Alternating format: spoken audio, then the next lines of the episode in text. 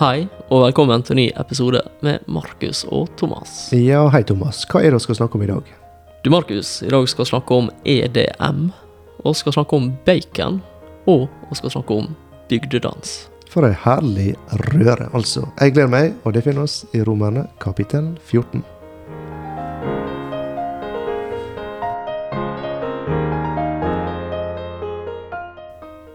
Ja, du, Markus. Jeg hater EDM. Ja, du begynner med sterke ord her. Hater, Ja, rett og slett. nå, nå føler jeg at dette kapittelet er perfekt tidspunkt å, å introdusere det på. Men tror du alle veit hva EDM er for noe? Nei, men de kan prise seg lykkelig for at de slipper å vite hva det er, hvis de ikke vet det. Men hvis du har hørt Elektronisk dance, dansemusikk Ja, det er sånn eh, du, du, du hører det fra enkelte biler som du kan høre fra mange kilometer. Ja, er ikke den ja. her eh, dunk, dunk. Ja, og gjerne eh, en eller annen absurd og teit rytme, og et keyboard som henger og bare holder samme tonen gjennom tre kvart sang før den skifter til neste kord, og, og noen andre sjuke lyder som du kun får til på en PC, som ikke er noe innenfor det som skal kalles musikk å gjøre. Jeg vet ikke, Kanskje du trenger en liten sånn terapitime her, eh, Thomas? Det Ja, det høres ut som du går og ber på noe. Og jeg var veldig fornøyd veldig lenge med at EDM holdt seg utafor vedhusveggene. Men nå, ikke nå, for en stund siden, så begynte denne EDM-en å snike seg inn i lovsang, og så begynte det å bli mer og mer brukt. Og da hadde jeg fole, jeg var fole frista til å være veldig imot dette. her. Ja. Ja, og det, det er sånne tema vi skal eh, inn på i dag. For da må en være villig til å eh, ransake seg sjøl litt. Og er dette her noe som eh, Guds ord taler tydelig om, eller er dette preferanser? Og den, den er ikke alltid lett. Og for meg så skal jeg bare si at dette er preferanse, og jeg heier fram dere på uh, i lovsangstimer som gjør en kjempejobb. Jeg heier fram de som skriver lovsanger med fantastiske, fantastiske tekster, til tross for at det er dem. Er dem Til tross. til tross. Jeg skal tøle det. Ja, nei, og dette er kapittel å gå til eh, hvis han uh, stender midt oppi sånne utfordringer. For her er det snakk om eh, ting som eh, ja, kan kalle det gråsonesaker. Og uh, nevnte litt forrige gang at uh, første gangen eh, jeg studerte gjennom dette kapittelet her, så fikk jeg med noen øyeåpnere og noen eh, sjokk. Eh, og det satt en del ting i nytt perspektiv, og det er det gjort eh, siden den dag. Jeg er ikke blitt ferdig med det, for så vidt. Eh, så det er altså ulike syn på omstridte emner. Og det er interessant at Paulus tar fram dette nå, for han snakker om relasjoner. Eh, og til og med vært innom eh, myndighetspersoner. Og, og nå er vi litt tilbake inn i menigheten, iallfall blant oss eh, kristne igjen. Og så tar Paulus noe fram, og jeg tror det er fordi at han vet at dette det kan forårsake mye smerte. Det er eksplosivt stoff. Ja, og det, det så oss, og så er jeg vet ikke om sa det, så er kapittel 14 av Romerbrevet. Og, og så sett hvordan dette har vært eksplosivt tidligere, og så sett hvordan overgangen det er Ikke her på podkasten nødvendigvis, men i Bibelen. Hvordan overgangen når det gikk fra jødisk kristen tru, om man skal kalle det messianisk eh, tru, til, til at hedningene skulle få slippe til. Hva, hva regler skulle gjelde for dem, hva skulle ikke gjelde for dem. Og så hadde du Ja, du De, ble ikke helt enige om dette her nå. Nei da, dette, dette var ikke lett for deg. Og du er til og med en episode som blir beskrevet i Galaterbrevet, der Paulus, apostelen, irettesetter apostelen Peter i full offentlighet om akkurat sånne ting. Og det er, så, dette var harde tak. Det var harde tak, og det er ikke noe som forsvinner med det første. Jeg tror ikke oss blir kvitt det på, på denne sida av evigheta. Men det handler rett og slett om hvem tøler hva, og hva rett og hva er galt, og hvorfor er det det. Og jeg, jeg tror det er viktig også å nevne her at dette er ikke snakk om grunnleggende lære. Ja. Det er ikke snakk om eh, Jesu guddom eh, eller treenigheter eller eh, rettferdiggjørelse eller slike ting. Dette er området som Bibelen kanskje ikke uttaler seg om i det hele tatt. Kanskje er det sterke tradisjoner på det likevel. Eh, eller der Bibelen uttaler seg, men kanskje ikke så tydelig. Kanskje åpner for uh, rom for uh, ulike tolkninger. Så uh, det er det, det, blir nå nevnt noen ting her. Altså Paulus han tar fram bl.a. Høgtidsdager. Så kan han snakke om søndager, hva som er løv, hva som ikke er løv, hva som er rette dager, og som skal være hellige. det med mat, vin og det, det, er på en måte bare eksempel på områder der det kan være sterke, til dels svært sterke meninger på begge sider. Uh, men uh, der du ikke kan på en måte peke på et vers og si 'sånn er det'. Dermed må enten Ja, altså må enten altså det, Paulus ønsker egentlig at vi skal lære oss å fungere i lag med ulike oppfatninger på, på sånne ting. Ja, du, dette uttrykket 'de lærde strides', det ja. kommer til sin rett her. Ja, det gjør det. Ja. Fordi at det her er snakk om folk som er truende, folk som er kristne, men som lander ulikt. Og det må på sett og vis være greit. Og Det som kan være litt utfordrende, det er at du kan møte på enkelte som eh, ikke er enig med deg om at dette er et grått område. At dette her det er svart-hvitt, og, ja. og, de er blitt helt og fullt overbevist. Og det, det, kan gjøre ekstra overbevisende. Og så skal vi også se det at uh, det, det, er helt greit om noen lander på ene sida og noen på andre sida. Og det kan til og med være tilfeller der noe er rett for deg, og noe annet er rett for meg og min samvittighet. Så det, det er ikke sånn at uh, alle uh, Altså målet er ikke at alle skal bli enige om alt. Nei, her skal det være mulig å fungere i lag sjøl om vi ikke er enige om alt. Ja.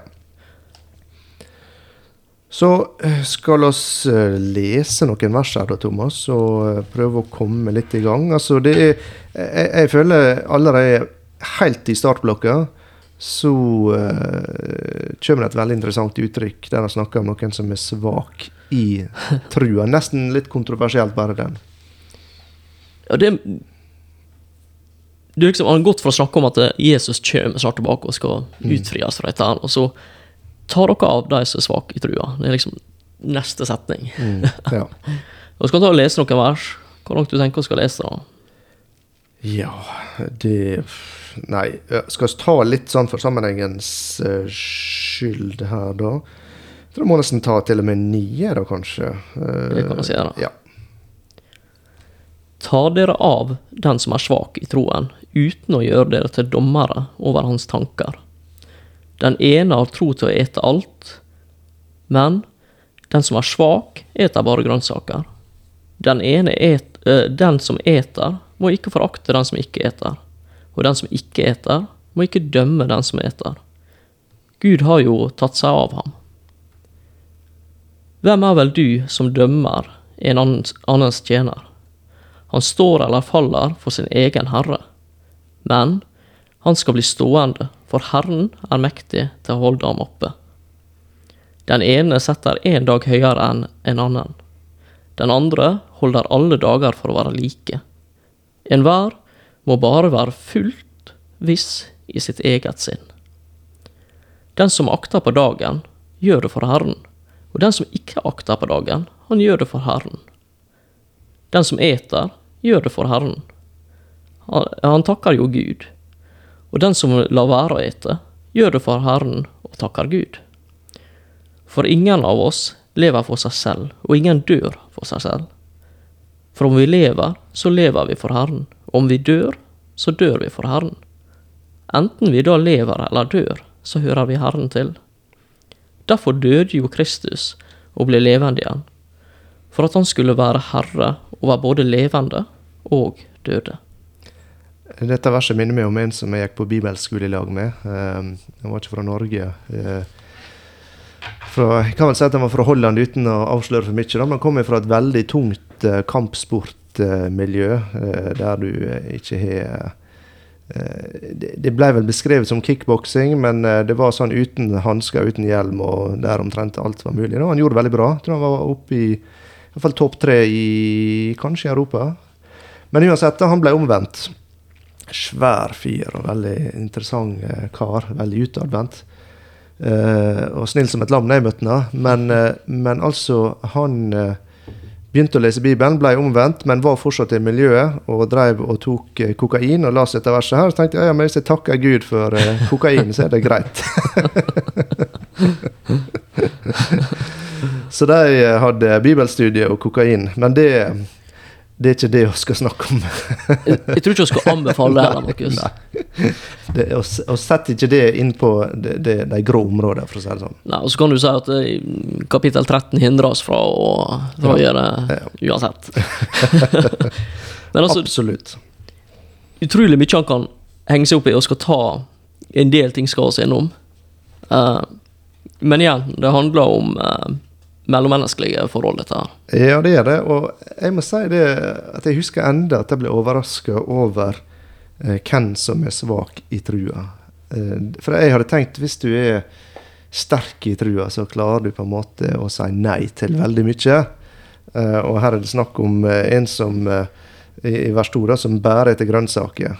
Tenkte det må det være, altså det å, å klare på en måte å gjøre det, det må det sterk tru til. Men Paulus sier at nei, det er han som er svak i trua, som bærer etter grønnsaker.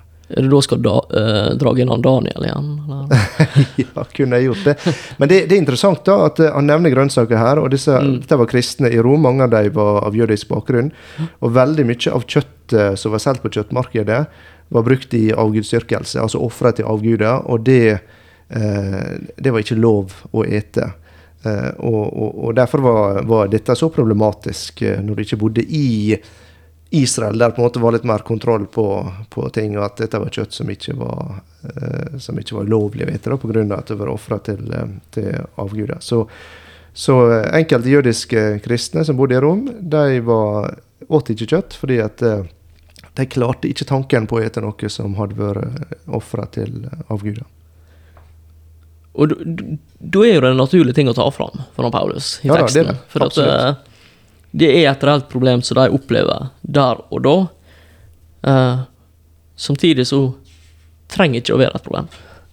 Nei, det er det, det, det jeg skal inn på her. Da. Og eh, Når Bibelen snakker om svakhet, så kan det være forskjellige ting det er snakk om.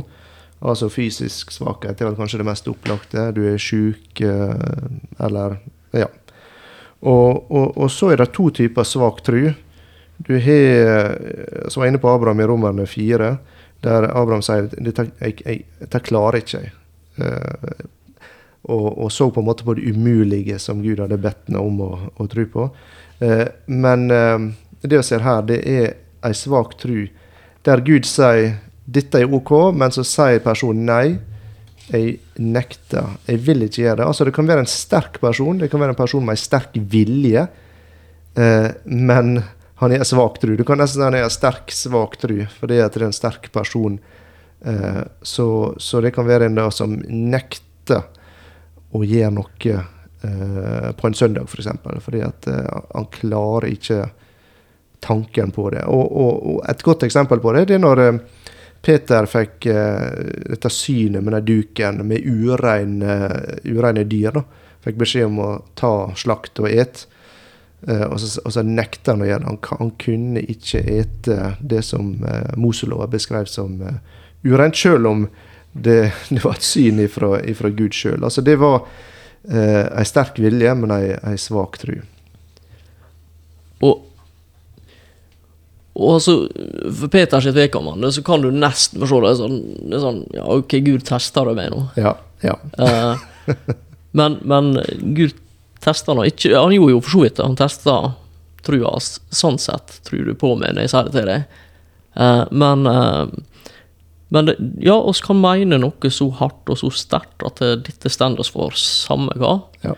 Vi kan ha lest Bibelen og studert og landa på dette. Men så er det det at vi har alle med oss et bakteppe. ja da. Og, og det er viktig å reflektere rundt hva er det som gjør at jeg mener det.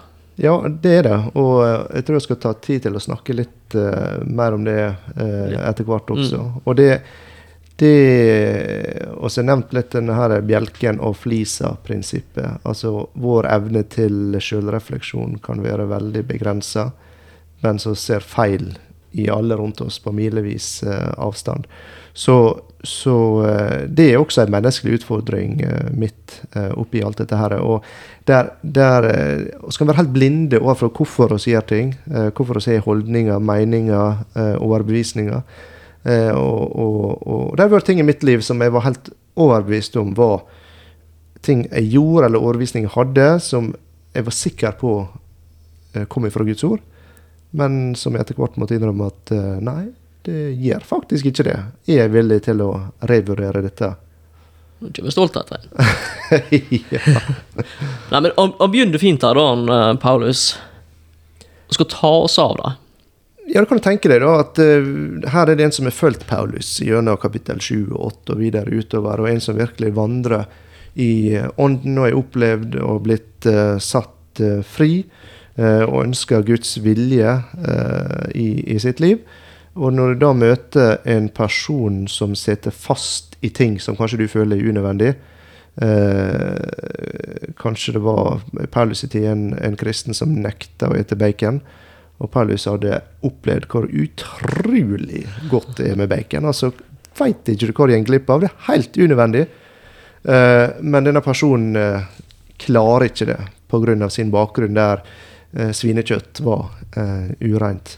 Så, så det, det, det Paulus eh, sier her, det er at eh, du skal være du skal være følsom, du skal ta imot.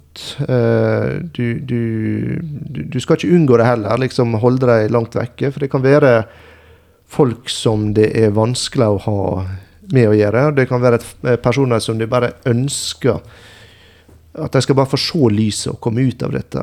Og, og det kanskje du, du ønsker å irettesette dem. Eh, men eh, Paulus sier at eh, nei, du, du skal ikke det. Du skal ikke gjøre deg til dommere over tankene hans. Du skal ikke liksom gå inn der og, og begynne å manipulere og, og forandre. Og det, det, er eh, for, noen av oss kanskje en større utfordring enn andre, men det er Når oss er kommet videre med noe, så er det veldig lett å tenke at dette må nå alle andre også innse. Og det, det er det jeg syns er litt artig i, i vers 2 her. Uh, hvordan han sier at eh, du som eiter, skal ikke forakte den som ikke eiter. Mm. For det er veldig lett. Når jeg, når jeg har kommet meg videre, når jeg Altså, det er gått opp et lys for meg. Dette her er faktisk greit. Det er Ja. ikke et problem. Ja. Det er Altså, det til velsignelse. Og så ser jeg en annen som ikke klarer å se det, og så lar han seg begrense. Mm. Og så ser jeg at Ok, men Å, skjønner ikke du hvor begrensa du blir av dette her? Mm. Og så begynner jeg rett og slett å se ned på det. Men så sier han videre Og den som ikke heter, skal ikke dømme den som heter. Mm. For i andre enden så er det veldig lett for meg å sitte og se at åh, han Markus sier dette på en, på en søndag. Mm. Nei, dette er ikke bra. Dette, sant? Ja, det er motsatt retning. Ja, men, men det er nettopp det at dette her med Det er veldig lett når du ikke er fri, å sitte og dømme. Det er veldig lett når du er fri, å forakte og se ned på den som ikke er fri. Så um, det Paulus sier, det er at uh, oss eh, skal ta imot dem, og uh, oss eh, Av og til glemmer oss av og til eh, Altså, av og til glemmer oss. Vi glemmer ofte hvor lang tid og hvor lange prosesser oss har vært gjennom sjøl, og hvor lang tid Gud, Gud har brukt på oss. Eh, og så blir oss veldig utålmodige med de, med de eh, rundt oss. Så eh, det han sier, er at vi ikke skal gjøre oss til dommere over hans tanker. Og det er, det, det, det er tanker eller konklusjoner som denne personen kom til angående et eller annet, som er en sånn grå, gråsone. Eh, så, eh, så da Han begynner rett og slett med å si at du, det er ikke din oppgave å begynne å fikse på folk rundt deg som har andre overbevisninger på gråsoneområdet. Nei, det er um, Det tjener ikke til noe som helst om at du begynner å skal starte en diskusjon, eh, skal overbevise noen, skal ditt, ditt, nå, nå skal du få denne personen til å tro det samme som deg. Nei, altså her handler det om at du skal ta imot den. Ja da, og det, han har formaning til både den, den svake trua og den sterke trua i, i vers 3. Ja, Jeg sa feil. Jeg sa, jeg sa vers to, og så hopper jeg litt i notatene, og så ble det litt rot her. Men ja, det var vers tre. Ja. Og, og det, konklusjonen der det er at uh, Gud har tatt seg av han. Altså, du kan bare overlate dette til Gud. Altså, Gud har mange oppgaver for oss. Det er ofte oss ikke er så interessert i det han ber oss om å gjøre, og så tar vi på oss uh, ting som Gud har sagt at uh, dette, dette, skal jeg, uh, dette skal jeg ta meg av. Og, og, og jeg tror det ligger et veldig potensial for konflikt, friksjon, vanskeligheter. Latterliggjering, du var inne på, altså forakt og fordømme, splittelse Mm. på disse tingene. Så det, det Paulus vil her, det er at vi skal innse at dette er ting som vi bør klare å håndtere. Og så må vi huske at han Paulus har skrevet tidligere med, altså han, Paulus har tatt oss med i en vandring. Han Paulus snakka om en situasjon der han møtte veggen. Han prøvde å gå i egen kraft, møtte veggen, og så måtte på en måte la Gud ta overhånd da, og, og, og styre dette her. Eh, og han har snakka om dette med helliggjørelse, at det er en prosess, en vandring. Og det er klart at Hvis det er vandring, så er vi på ulike punkt alle sammen. Da må vi ha åpenhet for at dette tar tid. Og av og til så må vi ha åpenhet for at ok, vedkommende vandrer 30 år lenger i trua enn jeg, og er låst fast i et spor. Og så må vi kunne fungere sammen med vedkommende likevel, sjøl var vi uenige. Ja, ja absolutt. Og det, der vil alltid være uenige, ikke sant, Thomas? Altså, du, du, bare du har to personer i lag, så er det ting eh, du ikke er enige om. Så, så det, er, det er klart det er veldig veldig viktig å lære seg å leve med det. For hvis målet ditt er at alle skal bli enige i, i din forsamling, så har du litt av en jobb eh, framover. Ja, altså Hjemme i mitt hus, der liker alle havregrøt. Unntatt deg. ja. Så da blir det aldri havregrøt i huset deres? Alternativt så blir det alltid havregrøt. Nei, men og så samtidig har vi et prinsipp om at vi skal ikke si at mat er ekkelt. Og skal ete det vi fær Så sier jeg det på en litt sånn smidig måte, da. Noen ganger spiser jeg havregrøt, og jeg angrer hver gang. Men noen ganger gjør jeg det for at det blir for unaturlig å ikke gjøre det. Og nå det familiesituasjon, er far, jeg skal være et godt eksempel. Så det er et dårlig eksempel, egentlig, dette her. Poenget er at noen ganger så må det være greit at jeg spiser brødskive, selv om de spiser havregrøt. For de har lyst på havregrøt, jeg har lyst på brødskive. Ja, det var havregrøt. Paulus han tenker fra mat, dager og vin. Og eh, havregrøt er én ting. Vin, den er ikke så lett, Thomas, å begynne å snakke om vin. Det, det, det vekker følelser. Og eh, jeg må si det fra min bakgrunn, etter hvert som jeg har fått kristne venner i mange land. Men eh, i begynnelsen var det et sjokk for meg å møte folk som jeg ble kjent med som eh, veldig brennende kristne. Og plutselig satt jeg der med et glass vin i hånda. Ja, det, det var et lite uh, sjokk for meg. Og det, det Der jeg er i dag, så er det faktisk noen av de vennene som jeg respekterer mest som kristne, som uh, har et helt uproblematisk forhold til uh, vin. Men men min bakgrunn og med, med Vestlandet i Norge, så, så er dette en ganske betent, betent sak. Og det er ikke så unaturlig at det er betent heller, med tanke på at alkohol har gjort mye skade opp gjennom tida. Og en enkel måte å ta et oppgjør med noe som volder skade, er å kutte det. Mm. Uh, og det er vel ofte det som er blitt gjort i kristne sammenhenger, og så er det en del som bruker Bibelen til å forsvare det standpunktet. Og en del som ikke gjør det. Så her har oss en veldig sånn Derfor liker jeg at han Paulus tar dette. Er virkelig en gråsone.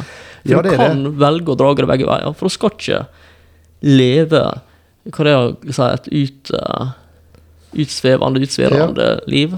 Han eh, nevnte vel det eh, i, i forrige kapittel. Ikke i svir og i drikk. Ja, Ja, der sier han det.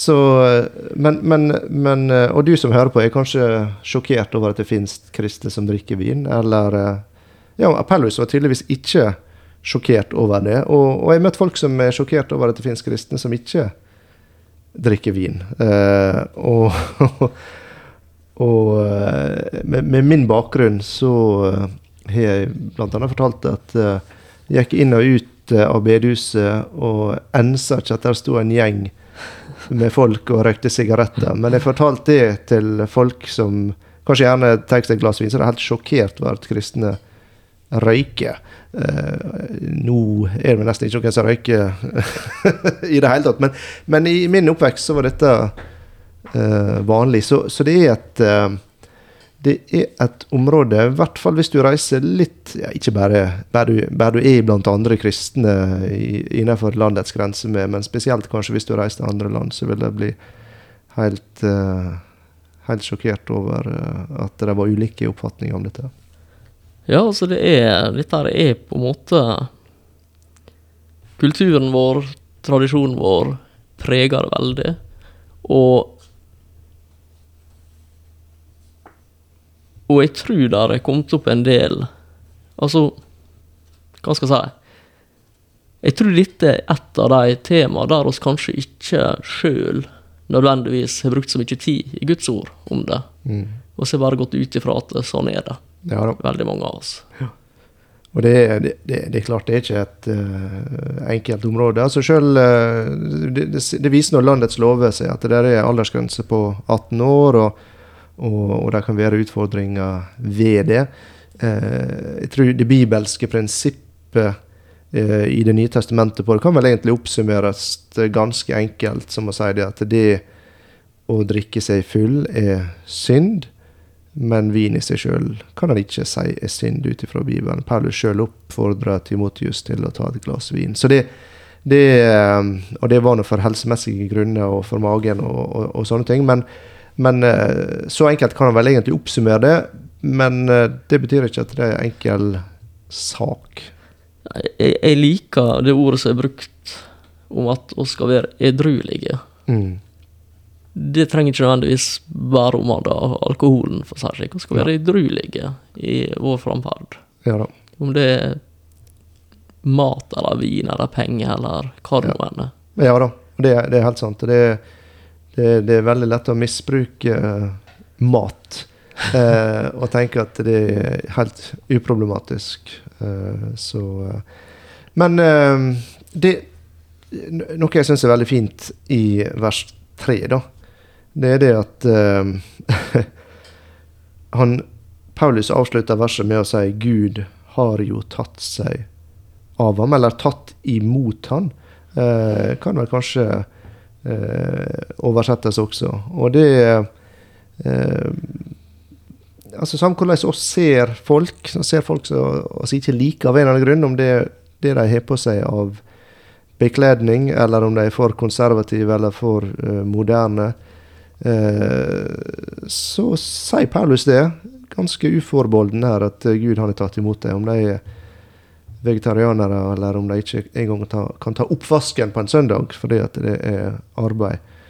Så eh, Og det jeg skal komme litt tilbake til det, fordi eh, han gjenger videre og understreker det i, i vers fire her. Og jeg liker også veldig godt spørsmålet som man starter vers fire med 'Hvem er vel du?' Det er et veldig, veldig godt spørsmål. Ja, det er det. Fordi at eh, oss liker å sette oss sjøl høyt, så i førerstolen, og det har vi snakka om tidligere. og i dommersetet, ikke minst. I dommersetet. oss hører ikke hjemme i verken førersetet eller dommersetet. Ja. Så, så Paulus har sagt at Gud har tatt imot henne, og så spør han hvem er vel du? Uh, og så uh, har du da en gud som er fra evighet til evighet, som er allmektig og allvitende, eh, og som ikke sparte noe, og sendte sin veldige sønn til jorda for å bære syndebyrda for all verdens uh, synd. Og så uh, sier han også det at han skal ta et oppgjør der det skal bli en fullkommen dom over absolutt alt. Hver enkelt gjerning eh, som er gjort eh, siden verdens begynnelse. Og så spør han da hvem er vel du? Altså du som er så kritisk, du som kommer med pekefingeren, du som er fordømmende. Um, og det han sier, det er at du skal huske én ting. At dette her, det er ikke din tjener det er snakk om. Den er fin. Den er fin. Det er Jeg, jeg, jeg syns det er veldig bra. Og Altså, litt ydmykende. ja, det er ydmykende, for du eier ikke denne personen. Nei. Du Du har på Du har ingen rettigheter Nei. til noe som helst. Altså, dette her er hvorfor skal han følge Ja. mine preferanser? Altså Absolutt. ikke sant? Og så er det så lett når jeg på en måte uh, tenker at jeg kan gjøre absolutt alt jeg vil på søndag. ikke sant? Og da vil jeg at alle andre skal begynne å gjøre akkurat det samme. Men det, hvorfor det, da? Hvorfor skal alle gjøre det som meg? Ja, det er For, det, for det, dette her er Det er gråsoner. Det er ikke de viktige spørsmålene, sånn sett. Det er gråsoner. Dermed så kan det være flere utfall som er greit. Jeg vet ikke hvordan du hadde eh, opplevd det hvis naboen din kom bort og begynte å oppdra ungene dine og, og, og, og, kjenne og styre. det, det, Ja, hvordan hadde det føltes? Nei, altså, det hadde vel ikke vært helt sånn kjærkomment. Og det er det Gud Det er litt det, den sammenligna, sammenligninga som er her, da. Altså det Hvem er det Altså det å dømme sin, sin eh, en, en annen mann sin tjener.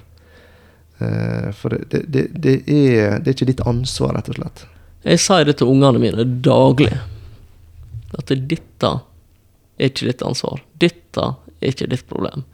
Når en av ungene prøver å rettesette en annen unge. Fordi Jeg kjenner til det. dette er oss voksne skal ta oss av. Mm. Du har ikke noe med å kjefte på den, du har ikke noe med å kjefte på den. Kom og si fra til oss, så ordner vi oss opp. Og Det er egentlig det Gud sier til oss Ja, her. det er at eh, det er ikke ditt ansvar. Nei. Du er noe med deg sjøl. Du skal høre på hva jeg har å si, og så skal jeg ta med av dette. Dette er min jobb. Ja. Og uh, igjen å se en tendens til å dra ut dette med familierelasjoner, men jeg syns, det ofte speiler ganske godt å prøve å få fram. Ja, for det, altså, så er nå i Guds familie, og Gud er vår far, og, og her blir dette uttrykket med tjener eh, brukt. da. Han står eller faller for sin egen herre. Og så er det bare nesten utrolig det som han sier etter det, da. Ja. Denne, Men han skal bli stående, for Herren er mektig til å holde dem oppe. Altså, det er Altså, her Nå må du tenke deg om, Paulus dette, her tar du litt for hardt i. Han skal bli stående. Altså, det, det er en person som du stender klar til å fordømme. Og sier Paulus, altså For du tenker en håpløs person. Og så sier Paulus vent, han, han skal bli stående. Og dette der er eh, Altså, folk som oss kan være så rivruskende. Og, og snakka om det sist gang, at eh, kjærlighet og, og elske det gode og, og forakte det onde. Ja. Og av og til så er det personer i livet som er Det er så vanskelig for deg ut ifra ditt ståsted å finne noe som helst å rose vedkommende for. Kanskje til den grad at det blir sånn at eh, Ja. Han kom nå i hvert fall på møte, er det beste du kan si om det. Ja, I det verset så er det lett å tenke at det å elske det gode, det er noe lett. eh, og forakte det onde, det er litt sånn ekkelt. og så videre. Men jeg tror det er en like stor utfordring for oss å klare å elske det gode i våre brødre og søstre. For det som du sier, folk som du er irritert på, er det vanskelig altså, å se noe godt uh, i. Men uh, det skal oss. Og skal ikke fordømme, og skal se at han, denne personen hører hjem til. Eh, og det står her at Herren er mektig til å holde han oppe. Så det er et rettferdiggjort menneske Ja. som er i ei helliggjørelse, som går til helliggjørelse. Og det er ikke din business. Nei, og det, det kan, jeg vet ikke, det, det, her er det veldig ulike ting som på en måte oss blir opptrekt eh, over. Men, eh, men kanskje du hører om en kristen bror da, som eh, skal drive og snakke om at han skal ut og fiske neste søndag. Og for deg er dette helt forferdelig. Uh, at du, du, du, du, som kristen så skal du ikke ut og fiske på en eh, søndag. Så hører du på det, en ingen prater om det. Det er, det er ikke sånn at han holder det for seg sjøl engang, og, og du blir mer og mer uh, irritert. Uh, og du tenker kunne ikke jeg gjort det på en lørdag, kunne ikke jeg gjort det på en annen dag, kunne ikke jeg gjort det på kveldstid. Er ikke det sant? seks dager i veka, hva Ja. skal du med Ja, den skyldne? hvorfor akkurat på en søndag? Og så ser du da at det er meldt dårlig vær, ikke sant? så tenker du yes! Ikke sant? Endelig Guds vrede som kommer fram her. Han skal ikke Uh, og, og, og så, uh, Men så ombestemmer det seg meteorologene så de gjør på Yr. ikke, er bare kaster terning, eller hva det er. Uh, men så blir det kjempevær, og så kommer han tilbake med stor fiskefangst, og alt gikk bra.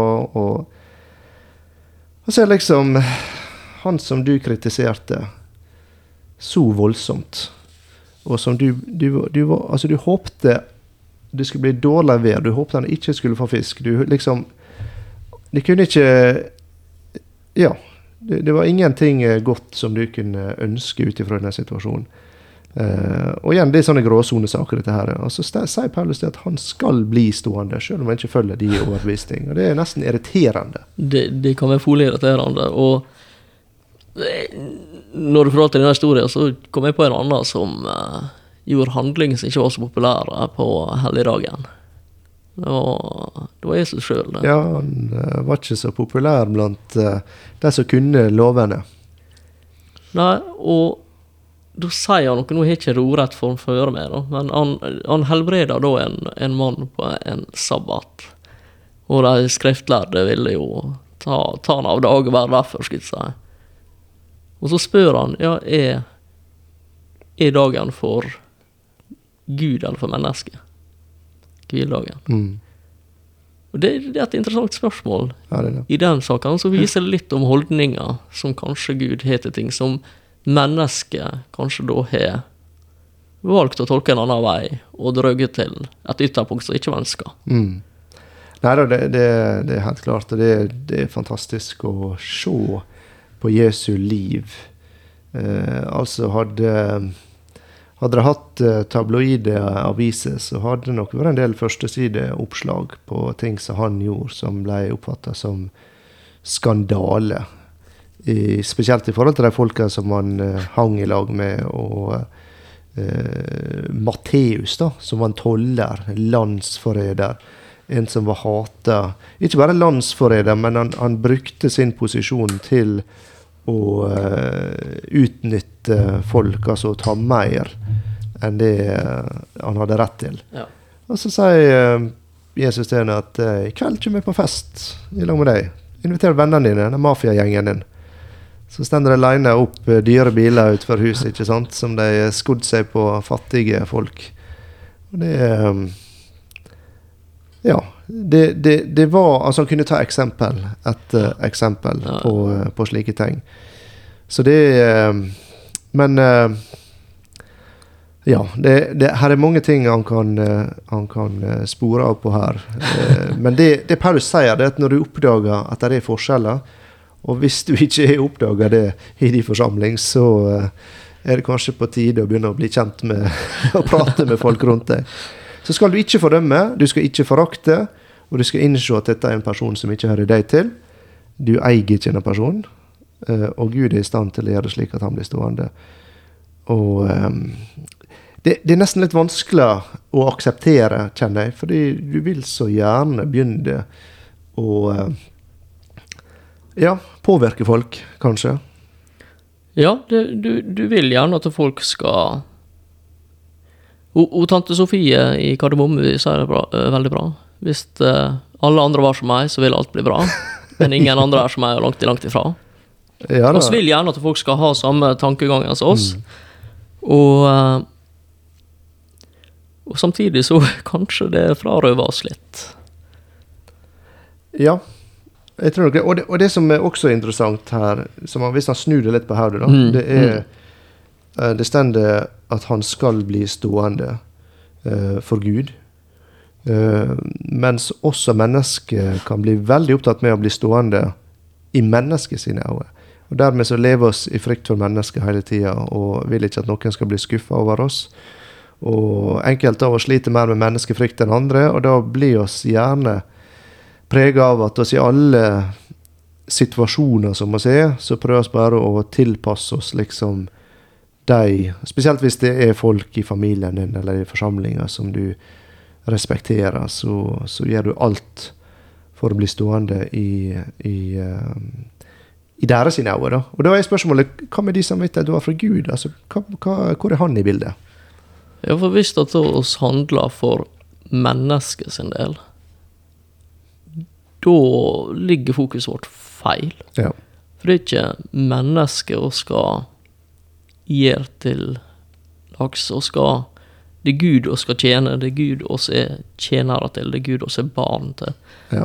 Og, og der tror jeg holdning, altså fokuset på Gud, fokuset på Kristus, den relasjonen.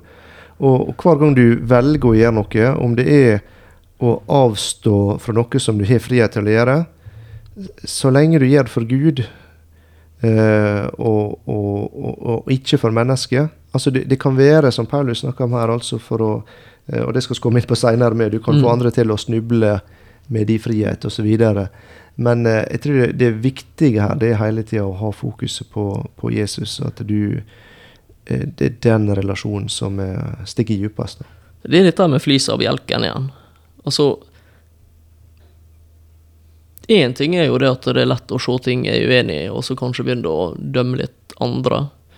Men da har jeg også satt meg sjøl i en posisjon som jeg egentlig ikke hører hjemme i. fordi at eh, da sier jeg egentlig meg sjøl at ja, jeg har jo alt på stell. Jeg, mm. Livet mitt er jo i orden. Jeg har jo skjønt dette her nå. Jeg. Men idet jeg begynner å påpeke feil hos andre, så, så er jeg blitt blind for mine egne feil, mine svakheter. Og så løfter meg sjøl opp. Og avsløre egentlig en enorm menneskelig svakhet. Ja, det er akkurat det. Og jeg tror Jeg ser dette uttrykket du vet ikke, ikke det du ikke vet. Altså, og, og, jeg tror vi skal ha en veldig ydmykhet der i møte med andre mennesker også. Når oss fordømmer, så ser ikke oss eh, hele bildet. Vi vet ikke alt som denne personen kanskje sliter med, eller eh, livssituasjoner, eh, bakgrunn. Og det og eh, skal være uhyre forsiktige med å begynne Egentlig skal ikke oss dømme folk. Det er svart på hvitt. Men å se denne tanken med at oss kjenner ikke folk godt nok, og de kan ligge veldig mye bak. Uh, og det kan være kanskje en, en ung kristen som har oppdaga frihet på et område. Si det har med vin å gjøre, og liksom veldig sånn offentlig med det. Eh, og aner ikke hvor mye han kan ødelegge eh, med slike ting, fordi han ikke kjenner folk og ikke har noe livserfaring egentlig til å, å, å forstå hvorfor folk har tatt ulike valg på, på, dette området. Og, og, og dette må vi ha veldig respekt for. Altså, det kan ligge veldig gode årsaker bak mm. hvorfor noen velger å, å avstå, hvorfor noen velger å gjøre noe. Altså, du ville aldri oppfordra en uh, tørrlagt alkoholiker å ta seg et glass vin fordi at uh, du er noe fri til det. Mm, nei. Um, så der, der, kan ligge fryktelig mye i det, og da er det viktig å huske å være ydmyk over dette her, at uh, oss veit ikke, oss vet ikke hva som ligger bak, oss vet ikke hva som er hjertet til vedkommende. Ja, og da fra vers 5 og utover da, til vers 9 så snakker Paulus litt om hvordan vår holdning skal være. Uh, altså Situasjonen er ganske enkelt at det er mange med ulike, uh, ulike holdninger. Uh, ulike overbevisninger.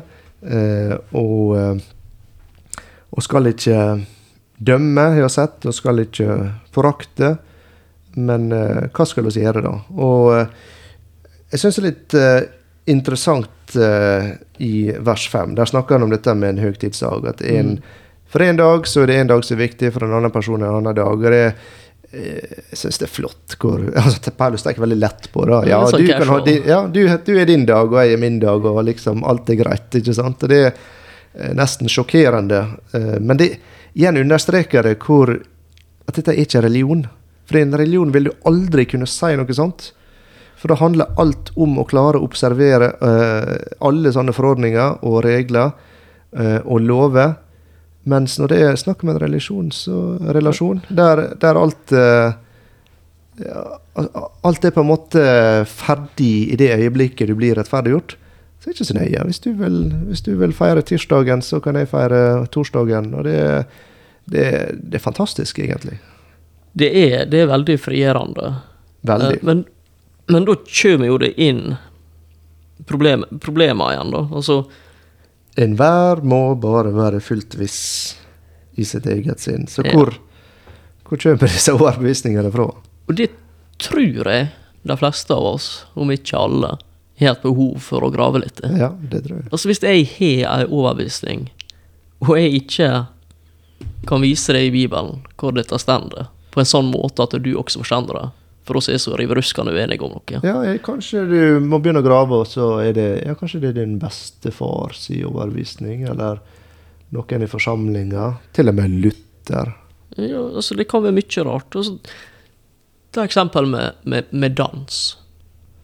Er ikke det et interessant eksempel å ta? Ja, det, det har vært masse kontroverser rundt eh, det. Jeg husker når jeg jobba som ungdomsarbeider en plass, så eh, så så jeg i forskriften at det var ikke lov med dans på et lokale som var på. Mm. Og så drev nå folk og, og dansa, i hvert fall. ja. Så fikk jeg bare fikk spurt, spurt litt ja, ok, er det blitt åpna opp for dette i lokalet. her? Tenkte her har det vært utvikling.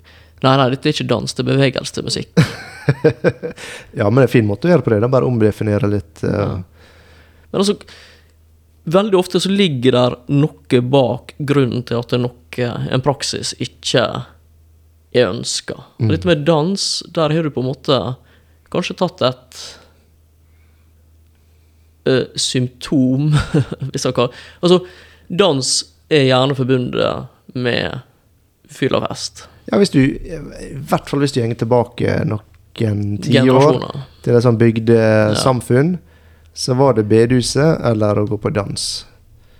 Uh, og på dans så var det en del andre ting som foregikk også. En del uh, utskeielser, umoral, uh, fyll og alt mulig sånt. Så hvis du da ikke ville at ungdommene skulle fare dit, så var det å forby dans. Og så gjenger tida, og så plutselig så er det dans i seg sjøl som er problemet. Ja. Og da er det skjedd noe rart. Da har det skjedd noe rart. I hvert fall sett opp imot Bibelen. Ja, det er det. For da, da er det på en måte Du er ikke gått til eh, rota på problemet som handler om å eh, nærmest et opprør imot eh, Gud og gå inn på en helt annen livsstil med utskeielse og alt mulig sånn. Det var bare det ble merkelappen på det ble, ble dans. Og så har det ført til endeløse diskusjoner, sånn som du sier, da, om hva er definisjonen på dans, og hva man stender på stuegulvet og snørrer, er det dans? og hva med gang rundt juletreet? Det er noe enkelt som blir skrevet som Jul, dans. juletre er en hedensk tradisjon. ok, kan ikke ha juletre. Ja, så da, da har du fått uh, litt å tygge på. Og så er ikke tida til å gå mer, men fram til neste podkast så kan du tenke litt på de overbevisningene som du har, eh, og prøve å nøste litt i det og finne ut uh, hvor, hvor kommer de fra. Hvor kommer de fra, og hvorfor er de gode, eller hvorfor er de ikke gode. Ja. Da begynner det å bli bra. Jeg må bare si én til ting, jeg, Markus, om EDM. For jeg skal ikke disse en sjanger helt på denne måten. Jeg var på et møte før korona stengte ned, og tok meg sjøl i å nyte lovsangen. Oi sann. Du står der og får skikkelig lovprisning, til tross for at det var EDM. Ja ja. Men da er det håp for oss alle, da. Ja da. Det var en preferanse, det visste jeg hele veien. Ja. Men jeg fikk det virkelig vist med tydelig, tydelig blekk. Ja da, og det, det er det som er i, det håpefulle i romerbrevet her også, at det er, det er hele tida rom for bevegelse, for eh, forandring i oss. Eh, og ting som oss kanskje ble irritert over, kan oss eh, kanskje til og med begynne å like. Så det eh, Ja, ja, jeg ser du rynker litt litt jeg, nå. jeg nesen har en vei å gå Ja da. altså. Ja da. Men med, med Gud så er alt mulig. Absolutt. Da får du ha tusen takk for du lytta fremdeles, og så holdt på litt lenge i dag, innså oss. Um, setter veldig pris på dere som lytter, på, som på at det blir delt videre. Og så vil oss veldig gjerne ha tilbakemeldinger hvis du har noe å si til oss, enten Enten det skulle gjøre godt eller vondt. Jeg la merke til at du sa 'du som lytter' i entall, og den lytteren, hvis den ikke søvner, så eh, takkes for at du er der.